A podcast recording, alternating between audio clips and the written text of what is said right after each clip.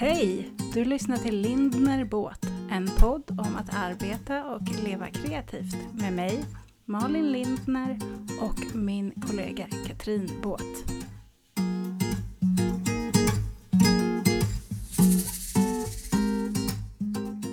God dag Malin! God dag Katrin! Hur mår du denna regniga dag? Jo men tack bra. Det var, den började... Den började... Eh, det känns lite som att universum har sagt att det inte skulle poddas idag. Men här ja. sitter vi. Och det är väl bra? Ja, vi gör ju det. Vi, gör, vi ger det ett försök. För att jag fick lite sådana hintar också. Ja. Jag försökte sätta mig i min studio. Jag tänkte att det är lugnt och skönt där uppe. Där ska jag sitta och podda framöver. Eh, men idag är Vättern arg. Och bor man i Jönköping och Vättern är arg, då, då vet man att det går inte att sitta där. Den skriker. Ja, men jag fattar. Uh, och sen kom det någon uh, brandkår och det kom... Ja, det var inte läge att sitta där. Så då gick jag tillbaka mm. till min lilla ateljé. Så får vi hoppas att ingen knackar på. Och jag har försökt tajma detta med att hunden ska sova och att tonåringen ska lämna hemmet. Jag tror jag har lyckats. Bara för det så kommer väl eh, min man att komma hem när som helst. Men nu, jag har satt mig så att jag ser ytterdörren och via ett fönster så ser jag honom där. Då tänker jag bara säga stopp. Det är bra Malin. Så får han stå vi, ute i regnet. Om vi lyckades ta oss igenom förra inspelningen där du bytte rum två gånger och det kom en hundvalp ja, Då klarar vi detta också. Ja, klart vi gör. Idag ska vi prata om förebilder Malin. Jag vet. Det är ett roligt ämne. Ja. Ja. Um, jag vet inte vart vi ska börja, men uh, vi kör som ja, vanligt. Kör. Ja ja men jag gillar ju det här och du med. Och vi har ju sagt det innan till lyssnarna att det, vi vet ju inte, vi har bara en rubrik och sen kör vi. Mm. Och så ser vi vart den tar oss. Uh, men för, vad är en förebild för dig Malin? En förebild för mig är en människa. en person som jag ser upp till för att den eh, lever på ett sätt som jag eh, eh, tycker är eftersträvansvärt. Mm. Kanske inom yrke eller liksom hela livsfilosofin. Vad flummigt det lät. Men, eh, men jag tänkte så här, förut hade jag mycket förebilder så inom olika områden. Mm. Då kanske det var så här, och jag hade en förebild inom kost och träning och en förebild inom stil en förebild inom eh, företagande, en förebild inom föräldraskap och så vidare. Och det är ju jättefint egentligen mm. att ha många förebilder. Men du förstår ju också om man kämpar för att bli som alla dem ja. Så, ja. så kan det bli lite småjobbigt. Den är lite tajt att fixa faktiskt. Ja, ja men jag har fortfarande absolut många förebilder inom olika områden men jag försöker att inte sätta dem för mycket på piedestal utom att säga okej okay, den här personen är ju väldigt bra inom det här men den kanske fortfarande kämpar mycket med någonting annat. Mm. Är du med? Alla, alla är människor och är fullkomligt mänskliga. Ja men precis, jag tror att det är viktigt också att alltså inte glömma bort den delen. För om du har Nej. tio förebilder och så ser du olika bra saker hos alla så är det lätt att försöka plocka ihop alla de tio och så ska det bli dig liksom. Och det blir ju Ja, men någon slags övermänniska. Ja, ja, precis. Och då är det lätt att man hamnar där vi pratade om förra veckan. I väggen. I väggen, ja. Men um, har du förebilder? Ja, men det har jag absolut. Uh, men kanske inte specifika personer som jag tänker mm. på direkt utan jag tänker mer på personer som är på ett visst sätt. Ja. Det är också intressant att se, okay, men vad är en förebild? Förebild, någon som ska gå före? Eller, ja. Uh, nej men jag gillar ju folk som uh, står upp för det de tycker och tänker. Uh, och som även vågar stå upp när det blåser lite. det tycker jag är en förebild. Mm. jag tycker att förebilder också kan vara någon som vågar be om hjälp. Självklart. Um, eller en förebild är också någon som, som hjälper andra utan att bli tillfrågad. Um, ska jag nämna några namn så skulle jag säga att uh, storycoachen Ja, hon är med Våran... på min lista också. Hon är det? Du får, men, du, får säga, du får säga vad hon heter också. Katrin Sandberg. Mm. Uh, eh, A.k.a. Storycoachen. Båda vi har ju gått kurser hos henne, eller jag går ett helår. Uh, och du har gått så länge så du kan inte ta, du har tappat räkningen kan jag tänka mig. Tre år är jag inne på nu. Uh, ja men Katrin är fantastisk. Mm. och henne ser jag verkligen upp till. Ja men jag med. Mm, en annan person som jag tycker är, om nu blev det att jag nämnde nam namn ändå, men Micke Gunnarsson är också en, en Nej, men sluta, han står på min lista också. nu har jag ingen lista kvar här. underbart, underbart. Ja. Uh, och han, Varför uh, Micke då? Ja, men jag, jag ser upp till honom och hans sätt att se på världen och livet och vad han har varit med om och vad han framförallt i tonårsträsket skulle jag säga. Ja, ja, jag älskar att han ofta tar barnens parti och uttrycker saker och ting ur, eh, med deras röst. Ja. Är du med på vad jag menar? Verkligen. Eh, ja, men typ i morse hade han ett inlägg om att eh, till oss tonårsföräldrar att våra barn de är inte här för vår skull. Och han har ju så himla rätt i det så att det gör ont ibland. Och jag mm. älskar hur han är så himla rak och hur han utmanar. För det är inte alltid mysigt det han skriver. Nej. Utan ibland så är det som en hård knäpp på näsan. Men det är alltid väldigt träffsäkert, tycker jag. Och det, ibland gör det jätteont att läsa. För att man förstår att man förmodligen gör helt fel. Precis. Eh, men det är ju det, därför jag läser, för att jag vill det. Mm. Eh, Sen eh, har han ju mycket kloka tankar han också kring självledarskap, precis som Katrin. Mm. Mm. Hur man ska leda sig själv i livet. Och det där är ju något som jag är toknördig på. Så. Därav att båda de står på min lista över förebilder. Ja men vad härligt. Och jag, då måste jag berätta en liten historia om Micke. Mm. Eh, för i våras så var jag och hälsade på mina vänner på Mimo och Café Mandeltårtan. Eh, och hängde med Malin Karstensson som äger Mimo. Eh, hon bor i Ronneby och det gör Micke också. Och av en slump så nämnde jag att jag tycker att han är så, han är så cool. Liksom. Det, är, det är få personer som, som jag verkligen tänker på och ser upp till på det sättet. Och då visade det sig att hon hade gått i samma klass som honom när hon var liten.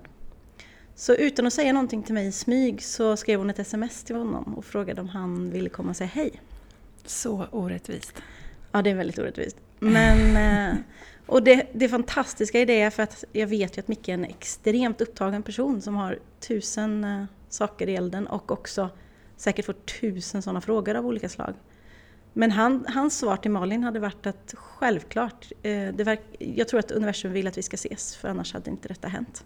Precis. Så helt plötsligt så dök han upp där eh, mm. och gav mig en stor kram och eh, vi pratade jättelänge. Och, ja, det var fint. Det var väldigt fint. Mm, mm. Det var häftigt. Han är cool. Mm. Han har ju, får jag fortsätta prata om honom? Han har ju en jättehäftig grej nu på sin Instagram där han lottar ut så här, egen tid till mammor. Ja, det måste jag ändå uppmuntra alla till att gå in och spana på, anmäla sig. Micke Gunnarsson på Instagram. Och vet du vad som är det komiska? Det känns som att allting går ihop. Eh, den första tjejen som vann, som har varit mm. där, gick i min klass på lågstadiet. så det är också så här, slumpen bara sammanflätar allting. Och det är ju mm. det där som jag tycker är så coolt. Ja, verkligen. Vad, vilka står mer på din lista Malin? Oj, en så här superfavorit. Björn Nattiko Lindeblad. Ja. ja. Mm. Um, bara för hans sätt att uh, leva sitt liv mm. och dela med sig av alla sina lärdomar. Och hans otroliga ödmjukhet inför precis allting. Mm. Till och med inför döden. Det är, uh, ja, han är en enorm förebild ja. för mig. Ja. Och jag har följt honom länge, länge, länge. Um, och alltid tyckt att han har varit otroligt inspirerande. Ja, när man lyssnade på hans sommarprat, eller när man, jag, jag har hans bok här i ateljén. Um, jag, jag, grät så mycket så att jag, jag kunde inte andas när jag lyssnade på hans sommarprat. För att han ser på ja, han ser på världen på ett sätt som jag verkligen ser upp till också. Mm. Mm. Mm, men um, så då har vi tre stycken i alla fall. Ja. By name. Jag har fler namn på min lista men ja, de men... är lite mera inom uh, alltså mitt yrke sådär. Mm. Säg. För jag tycker att det är roligt att ha, alltså som fotograf, det här är faktiskt um, Båda de här jobbar som bröllopsfotografer men de eh, fotar ju annat också. Mm. Det är Jonas Pettersson och så är det Anna Rosström som ah. eh, Small Pig Art heter hon. Ja, ja, ja. Mm. Och båda har jag träffat och eh, Jonas har jag gått på en eh, workshop hos. Även Anna också faktiskt för länge sedan. Mm. Eh, och jag tror att Jonas, där handlar det om hur han, eh, hans filosofi kring varför han fotograferar tycker jag är otroligt inspirerande. Ah, berätta. Ja, men han tänker väldigt sällan att han... Ja, men som fotograf så kan det vara lätt att gå igång och vilja göra sin grej för mycket. Mm. Um, och han... Um, han försöker alltid tänka så här, men hur skulle jag berätta det här utifrån kundens perspektiv? Mm. Om bara de fick se bilderna, hur skulle jag berätta då? Inte så här, åh jag måste göra en storslagen cool eh, liksom bildserie här för att jag ska bli uppmärksammad. Utan om bara de fick se bilderna från sin dag, hur skulle jag fotografera då? Och det mm. eh, har varit en ögonöppnare för mig. Mm. För att jobbar jag utifrån det så så jobbar jag väldigt mycket utifrån mitt hjärta, har jag märkt. Ja, men och det är så du vill jobba, så det är väl fantastiskt. Ja. Och Anna är en förebild för att hon är så jävla cool i hur hon driver sin business. Mm. Hon är liksom otroligt... Eh, mm, Gud, nu letar jag efter ord här. Mm. Hon är självklar. Hon har inte ett stort ego. Eh, men hon vet vad hon vill och hon eh, får människor att känna sig trygga och sedda. Och, eh, ja, men hon är bara helt proffsig i allt hon gör. Och det tycker jag, ja, för mig är det ja, en stor förebild också. Mm. Ja, såklart.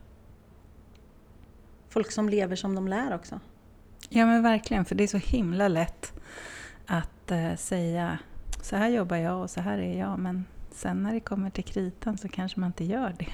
Nej. Mm. Jag, har, jag kom på nu när du pratade om fotografer. Mm. Um, så länge så har jag blivit helt tagen av Kalle Bengtssons bilder. Alltså ända sedan jag började uh, mm. i den här branschen. Och uh, ja, jag kan börja nästan gråta av hans bilder.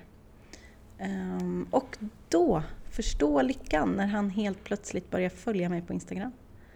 Eh, jag blir generad varje gång han likar eller skriver något men det är helt, ja han är en sån, oh, jag blir alldeles starstruck när jag tänker på det.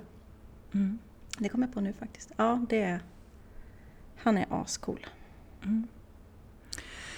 Jag tänker på de personer vi har pratat om nu och eh, det slår mig att eh, för mig så är förebilder oftast människor som jag alltså, kan relatera till. Ja. Och då menar jag så att det är jättekult att säga att man kanske har eh, Moder Teresa som förebild och sådär. eller typ någon fantastisk annan frihetskämpe. Och jag, jag ser absolut upp till de personerna. Men ibland kan jag känna att de blir så långt borta. Mm. Så att det är svårt för mig att verkligen... Alltså, jag kan på pappret se så här, oj, shit, de har gjort så här mycket bra saker för mänskligheten och det är så fint. Men eh, det är lättare för mig att ha förebilder som är nära mig. Ja. Är du med på hur jag tänker? Mm. Verkligen, för det blir någon, på ett lättare sätt uppnåeligt ju också. Ja, kanske. Det är vanliga dödliga människor som är, eh, som är bra på olika saker. Mm. Tycker du att man eh, kan och ska och får kontakta de man ser upp till och har som förebilder? Ja men det, det tycker jag absolut. När det gäller mm. Kalle Bengtsson till exempel så har jag ju följt honom länge och när jag tycker att han lägger ut någonting som jag blir helt tagen av, då har jag skrivit det. Mm. Wow! Liksom. Peppat honom. För han behöver ju pepp precis som alla andra. Um, Verkligen. Och det, det, var, det är väl så såklart som han har hittat tillbaka till mig och börjat följa mig. Uh, för jag tror, det tror jag också liksom, han är, han är en, gam, gam, en fotograf i det gamla slaget om man säger så. Mm. Han, är, han har inte en miljard följare på Instagram och sådär utan han är ju, han har hållit på i jättemånga år. Um, och helt plötsligt så blir det ju uppnåeligt på ett sätt, om du förstår vad jag menar, man kommer närmare där också. För han, har ju, mm. han är ju säkert väldigt ödmjuk till, till uh, sitt Instagramkonto. Verkligen. Um, så så är det ju. Mm. Men skulle du kunna så här, dra iväg ett äh, mail till en förebild och säga hej, eh, jag skulle vilja bjuda dig på lunch. Har du tid? Oj, eh, det vet jag inte om jag skulle våga göra faktiskt. Men däremot så har jag inga problem att skriva ett mail och säga hej hej, jag vill bara säga fan vad du är bra. Mm. Eh, och det skulle jag gärna göra om jag springer förbi någon på stan som jag ser upp till också på det sättet. Att inte liksom ståka utan bara, jag vill bara säga shit vad du är bra. Mm. För vem skulle inte tycka om det? Jag vet inte Verkligen. om jag skulle våga eh, bjuda vem som helst på lunch. Nej, det vet jag inte. Nej. Skulle du? Nej, fast jag är bra sugen ibland av anledningen att jag liksom vill pick their brain, om man säger ja, så. Ja. Eh, men eh, nej, jag är, jag är nog lite för blyg för att eh, fråga mina största förebilder. Helt klart. Men det man kan göra, ja, men till exempel då, jag har ju sett att du har gått kurs hos Katrin och tycker att mm. hon är fantastisk i allt hon gör. Um, det är ju att man faktiskt tänker att ja, men jag ska unna mig att uh, gå en kurs hos den här personen. Liksom. Mm. Um, och jag ångrar inte en sekund att jag åker till Stockholm en gång i månaden och är med på hennes uh, Storylab. Det är fantastiskt. Jag tog mig faktiskt mod till att fråga om hon ville vara med i min bok Changemakers. Just det. Och då var jag mm. lite nervös. För då tänkte ja. jag så uff, nej det kanske hon tycker är en jättekonstig fråga. Men eh, hon tyckte inte det var en konstig fråga alls. Vad härligt. Så det är jag väldigt ja. glad för. Och så då fick jag ju pick her brain lite, lite grann i alla fall. Ja, men apropå changemakers, där är det ju mm. också mycket förebilder. Tycker jag. Verkligen. Otroliga människor, kvinnor. Ja, men också att du har lyft dem på ett fantastiskt sätt. Ehm, jag får så mycket kommentarer kring boken eftersom att jag säljer den här i min ateljé också. Ehm, det är väldigt många som har läst den och väldigt många och eh, min mamma liksom, hon, hon ringde mm. och berättade men Katrin, nu har jag läst hela boken. Hälsa Malin. Jag har läst den från perm till perm. Mm. så det, jag ja. tycker att det är kul att det är många olika, vad ska man säga, många olika sätt att ha startat egna företag på. Mm. Eh, och att det verkligen kan inspirera andra till att uppbåda modet att lyssna till sina hjärtan och våga göra sin grej. Ja, och jag, det, apropå förebilder så tänker jag att folk som vågar fast det känns asläskigt, det är förebilder för mig. Verkligen. Um, och sen vart det tar en, det tar en alltid någonstans på något sätt. Ja men det, vet du vad, då måste jag berätta, för att ibland tycker jag faktiskt att mina barn kan vara förebilder. Mm, absolut. De är så himla häftiga. Förra veckan så kom eh, vad heter det, 13-åringen hem och så skulle de ha idrott dagen efter i skolan. Och under hela coronatiden så har de inte behövt eh, byta om och ha i något omklädningsrum och så för att de har bara kört liksom, lekar utomhus. Sådär. Mm. Men nu var det på riktigt igen. Mm. Och de skulle alltid vara ombytta. Och han liksom skruvade på sig för det.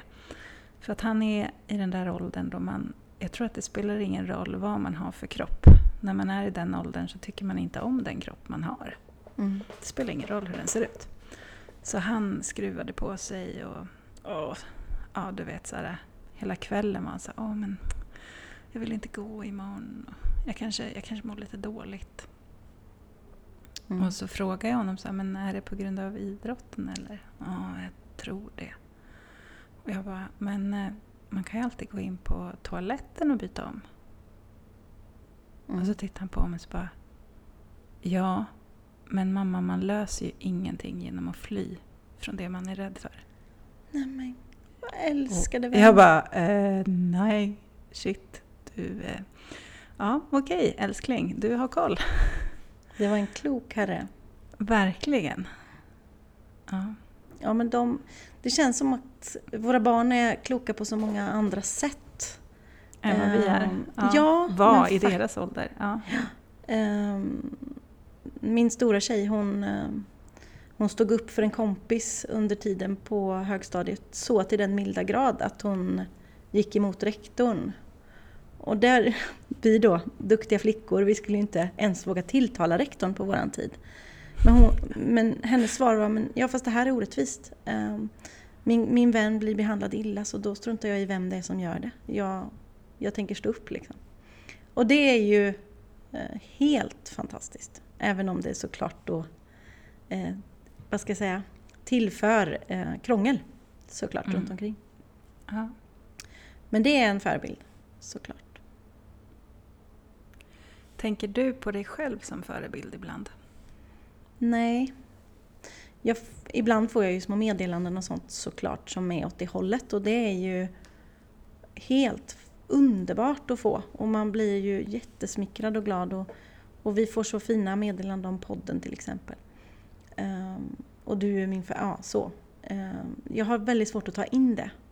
För att jag ser aldrig på mig själv så, jag ser mig själv som precis vem som helst. Som kanske råkar synas lite mer utåt än andra. I den här stan till exempel. Gör du det? Um, inte, inom, inte inom mitt yrke tror jag. Mm. Um, alltså när man håller workshops och så och är lärare då ska man ju framstå som den som kan någonting såklart. Och då tänker jag ibland så här, shit de här, de här kanske är här för att de ser upp till mig och det jag gör. Och då blir jag alltid lika förvånad. Alltså jag blir så här, men hur, var, varför? Men eh, det är ju liksom min, min osäkra sida som har svårt att, att acceptera att jag skulle göra någonting så pass bra att någon annan vill lära sig av mig. Men det är ju otroligt fint och jag är oändligt tacksam över att folk uppskattar det jag gör och sättet jag gör det på. Ja, ehm. och det är väl därför de fortsätter att boka dina workshops. Ja. Annars skulle man inte göra det Malin, så det betyder Nej. att du gör något bra. Nej men verkligen. Sen så det jag blir otroligt smickrad över är väl de gånger eh, då folk säger att de ser upp till mig för att jag är modig och mm. vågar göra min grej. Eh, jag har liksom aldrig jag har aldrig tagit någon enkel, lätt väg. Utom eh, ja, ibland kanske krånglat till det lite väl mycket för mig själv. Men eh, jag tänker att det är så jag har lärt mig också, längs med vägen. Mm. Och därför blir jag väldigt glad när folk säger så här, att de tycker att jag är modig och orädd. För det liksom stärker mig i min egen självbild. Är du med? Ja, jag är verkligen med. Och det man tänk, alltså när man hör saker då, den typen av eh, beröm eller vad man ska säga. Det är ju precis som du säger att när folk berömmer mig för att jag vågar göra, då blir jag ju väldigt, väldigt glad. Mm. Eh, och när folk säger så här, ja men du gör alltid saker ända in i kaklet och förbi. Eller liksom, det går in, ja, när du gör någonting så gör du det ordentligt. Och det är också en sån grej som, ja, det gör jag. Och det känner jag mig jättestolt över. Eh, så därför blir jag också väldigt, väldigt glad. Såklart. Och jag hoppas att man kan vara en förebild för de som vill starta eget. Om vi nu i det här kan berätta om alla misstag vi har gjort, du och jag. Ja, Till exempel. Eh, så att man kan lära sig av det och så också tänka att vad fanken om vi kan starta en podd, då, då kan alla starta en podd. Ja, verkligen. Mm. Nej, men det, det är ju det hela det här poddandet handlar om för mig. Mm. Att dela med mig av allting som jag har lärt mig så att eh, andra kan eh, våga göra det de vill göra. Ja. För att eh, saker och ting är egentligen inte superkomplicerade. Man kan ju tro det, särskilt om det är någonting man inte kan. Mm. Till exempel om någon skulle be mig eh, göra en parfym eller göra en film. Mm. Jag har ingen aning om vart jag skulle börja ens. Men eh, om jag fick ta del av andra som har gjort det så skulle jag ju lära mig, eller hur? Ja. Och har man eh, nyfikenhet och motivation och ett bultande hjärta så räcker ju det ganska långt. Såklart, ja. Och det är också, ja. Och jag tänker att vi hjälps åt. Vi skickar vidare, vi hjälps åt. Ehm, jag pratade med en, eh, en vän till mig för ett tag sedan som också ska starta, de ska starta en podd. Och mm. ja, jag blir så glad när jag också då kan försöka hjälpa till med hur, ja, tänk på det här. Du bara, jag skulle kunna klippa den åt dig. Ja, Sa du det? men jag känner någon som kan. Nej men just det där att det, självklart, har du några frågor så hjälper jag dig liksom. Vi, vi hjälps åt. För mm. vi fick ju hjälp av andra. Så ja. Mm. Eh, precis. En förebild för mig det är också någon som, eh, som inte håller på sina kunskaper utan vågar dela med sig av dem. Ja, de, de mm. kommer, de kommer högst på min ja. lista. Mm. Jag har svårt för lite sådana här hemlighetsfuffens. Mm. Det är som, jag har fått frågan många gånger, men hur kan du sälja dina presets? Alltså, och då, de som inte vet vad en preset är, det är som jag redigerar bilder i Lightroom och sen sparar jag ner redigeringen så att andra kan eh, eh köpa den och bara köra copy-paste på sina egna bilder. Mm. Så hur kan du göra det? Det är ju liksom ditt, eh, det har ju du arbetat fram och sådär. Och jag är väldigt ödmjuk till att men varför ska jag inte dela med mig av allting som jag har lärt mig? Och sen blir det ju ändå deras. Det är ju de som har tagit bilden under speciella ljusförutsättningar etc. Så mm. det blir ju aldrig eh, exakt så som jag skulle ha gjort ändå. Och det är väl bara jättekul om mitt sätt att arbeta på kan inspirera andra. Ja. Och så är det väl i det mesta. Ja, men när du har en föreläsning och så...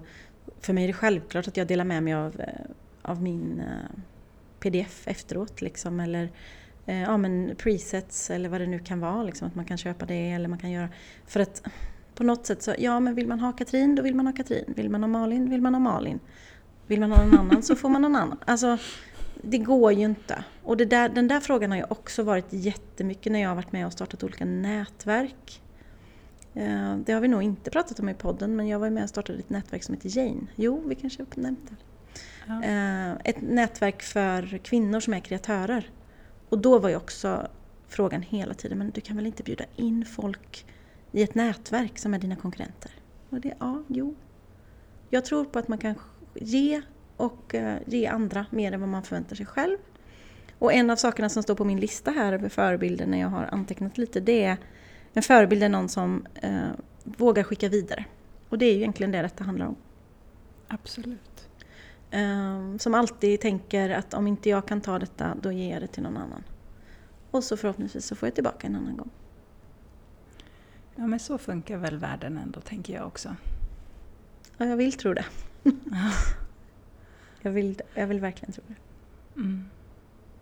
Som eh, förälder så tänker jag ju ofta att jag är en förebild. Eller försöker vara en i alla fall. Mm. Eh, och det är väl kanske just för att jag försöker vara en som det ibland blir svårt. Ja. Eh, sen jag startade eget så frågar mina barn väldigt ofta så här, men vad gör du egentligen? De fattar inte grejen. Eh, de tycker väl att ett arbete ska vara något man går till. Mm. Ett kontorsjobb. Pappa har ett riktigt jobb tycker de och pappa tjänar riktiga pengar. Ehm, och ibland så har jag blivit ledsen över att de på något sätt... Jag har uppfattat det som att de ser ner lite på det jag gör. Att jag bara liksom flummar runt. Men så tänker jag att någonstans så förstår de ändå. Och kanske när de blir stora mm. så landar det ännu mer i dem att eh, deras mamma gjorde sin egen grej. Hon eh, lät ingen bestämma över henne. Och att det om något är väl att vara en förebild. I alla fall den sorts förebild som jag vill vara. Jag vill inte vara någon som kommer hem trött och sur från kontoret varje kväll för att hon går till ett arbete där hon inte mår bra. Nej. Såklart. Och båda, där tycker jag ju faktiskt att vi kan klappa oss på axeln över att vi har förändrat det vi ville förändra. Mm. Eh, när det gäller det, faktiskt. Helt klart. För om man är kvar i någonting så man, blir man ingen bra mamma heller. Uh, och jag tror att föräldraskapet handlar också om att man ska få se sina föräldrar må bra. Liksom. Verkligen.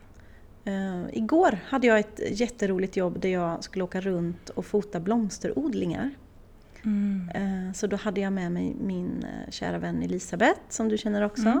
Och så hade vi med oss våra barn. Så Flora och Ella var med oss och vi gjorde en liten roadtrip och var hemma sent.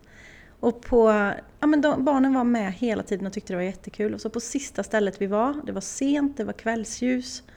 Då säger Flora Åh vad jag tycker synd om Minna att inte hon fick vara med på detta. Eller fick och fick, det fick hon, ja. men att hon inte, att hon inte följde med. Liksom. Ja. Och då gick Flora runt med min kamera och fotade blommor i motljus. Och då blev jag så här, är helt rörd, vad glad jag blev. Ja. Um, för då ser hon också liksom att, ja men vänta, det här kan ju faktiskt vara någonting, det här kan vara ett mm. jobb. Mm. Um, och det var, Verkligen. Mm, det var en sån moment. Mm. mm. Apropå den där lyckan vi pratade om i ett annat avsnitt, så det var ja. ly lycka i en liten, litet ja. minne. Ja men de ska man spara på. Ja, verkligen. Hur skulle du säga annars att man ska Ja, men hur, hur blir man en förebild då? För andra, inte bara för barn. Oj, det kommer mitt standardsvar här. Mm. Genom att vara sann mot sig själv och följa sitt hjärta. Och då tänker kanske folk så här, men hur fan gör man det då? Ja, för det lät ju lite. Ja, hur, ja, ja men det låter lite så här floskligt. Ja, fast man får vara lite flosklig ibland. Men hur är man sann mot sig själv? Först tar man reda på vem man är och vad man älskar att göra. Och varför man gör det man gör. Så mm. enkelt. Nej, jag skojar. Det är ju det, är ju det svåraste. Men eh, ja. när man har klurat ut lite vem man är eh, så kan man ju börja vara sann mot sig själv. Våga, ja. våga sätta sina behov i centrum. Det betyder inte att man är en dålig mamma eller en dålig vän eller dålig fru bara för att man tar hänsyn till sina egna behov. Det gör en ofta till en bättre fru, mamma och syster, whatever. Det tror jag verkligen. Jag tror att det är det som är hela hemligheten faktiskt. Mm. För annars så smäller det efter ett tag. Och det vill man ju inte. Det vill Nej, man men jag tänker så att många, så här, i mitt eh, arbete så är jag ofta bortrest. Och mm. eh, jag har ofta varit duktig på att ge mig själv dåligt samvete för det. Vad är jag för en mamma egentligen som åker bort och lämnar mina barn och sådär. Men mm. vänder jag på det så är jag ju en eh, person som eh, vågar. Och som mm. visar att jag litar på deras pappa, att han är med dem.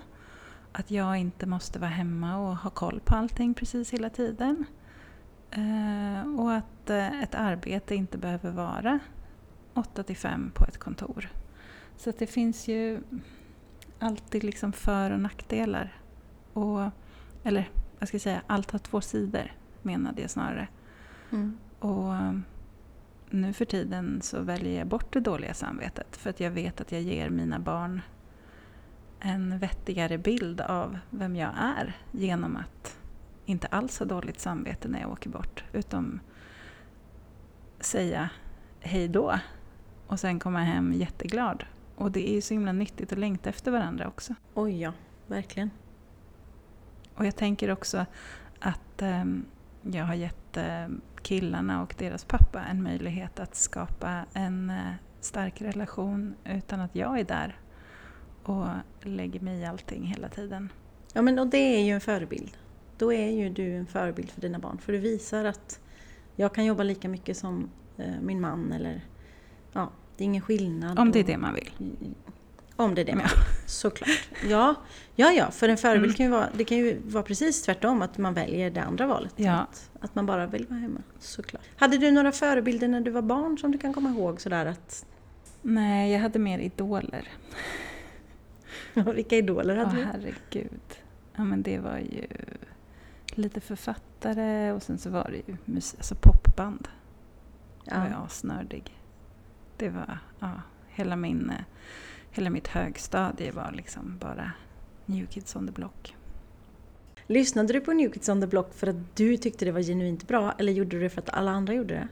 Eh, Men bland mina vänner så var jag den som först upptäckte dem. Eh, Mm. Och ingen av mina bästa vänner tyckte att de var särskilt bra. De liksom gillade dem lite men jag var ju besatt med stort B. Och, eh, så jag skaffade ju liksom brevvänner. Kommer du ihåg Okej? Alltså, fanns det så här Ja, ja, sida ja. med Ja. brevvänner. Så att jag hade ju brevvänner som delade min besatthet. Men inga kompisar i skolan eller så som alls. Utan jag var ju lite den här konstiga tjejen som, eh, som var så ja, konstig. Helt enkelt. Ja, ja. Ja. Mm. Men det var ju ändå, det tänker jag ändå var väldigt eh, unikt för att jag var ju typiskt en sån som bara gick eh, samma väg som alla andra. Mm. Jag var lite New Kids on the Block men helt plötsligt lyssnade jag på Depeche vet jag. Uh. Och i, precis när jag körde hit idag så kom det en gammal Depeche-låt på radion och, och jag kunde den ju utanför till. Mm. Och så tänker jag, då funderade jag på det, hur kom det sig att jag överhuvudtaget började lyssna, lyssna på Depeche? Och då var, det- kom jag ihåg att det var min eh, kompis Marie Kullander som jag hängde med när jag gick i fyran. Hennes stora syster du vet, som var tre år äldre. Mm. Hon lyssnade på Depeche och det var ju coolt. Så hon var nog en förebild då. Faktiskt. Men du, hur var du som eh, ung? Var du, ehm, var du den som gärna ville hänga på det alla andra gjorde? Eller, alltså du vet, hade du mycket FOMO? Mm. Eller gör, gjorde du din grej? Och brydde dig inte? Väldigt, väldigt mycket som alla andra. Jag var, jag var bara mainstream hela vägen upp. Eh, jag ville aldrig sticka ut, jag ville aldrig vara... Jag var, jag var en, en mellanperson hela vägen, så som jag ser på det. Mm. Ehm, faktiskt. Um, ända tills jag flyttade ifrån Åmål egentligen.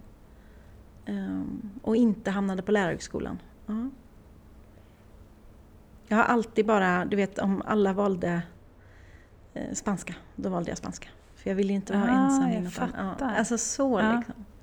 Ehm, jag hade, jag, en gång vet jag att jag hade sytt ett par byxor i slöjden när jag gick i åttan.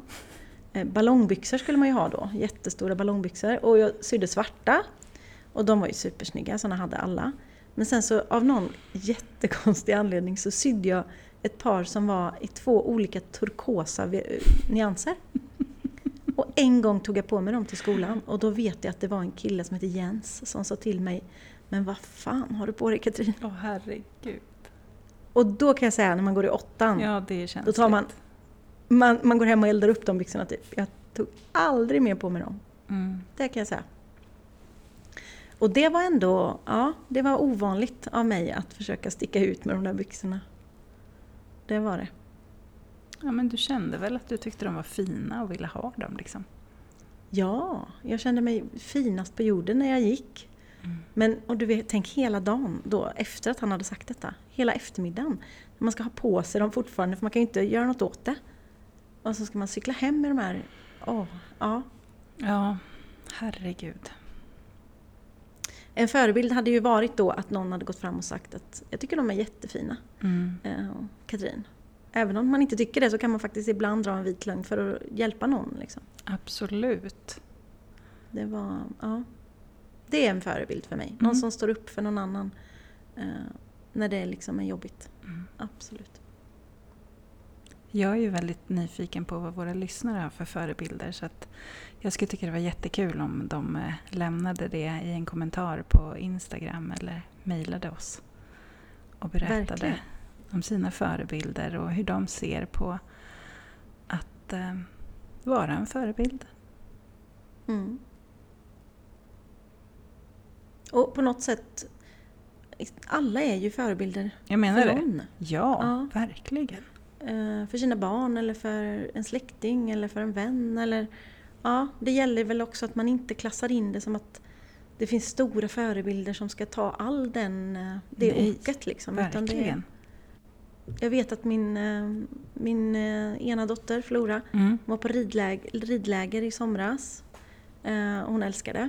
Och det var ju det bästa veckan i livet.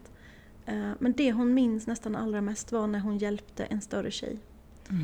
Eh, Och gav henne någonting som hon hade glömt. Mm. Och du vet så här, komma hem och är så lycklig över att mamma hon blev så glad. Och det var bara jag som kunde hjälpa henne. Och, eh, ja men lyckan i att kunna hjälpa någon annan, den är, det är en förebild för mig. Mm, det är väldigt fint att få hjälpa andra människor faktiskt. Ja.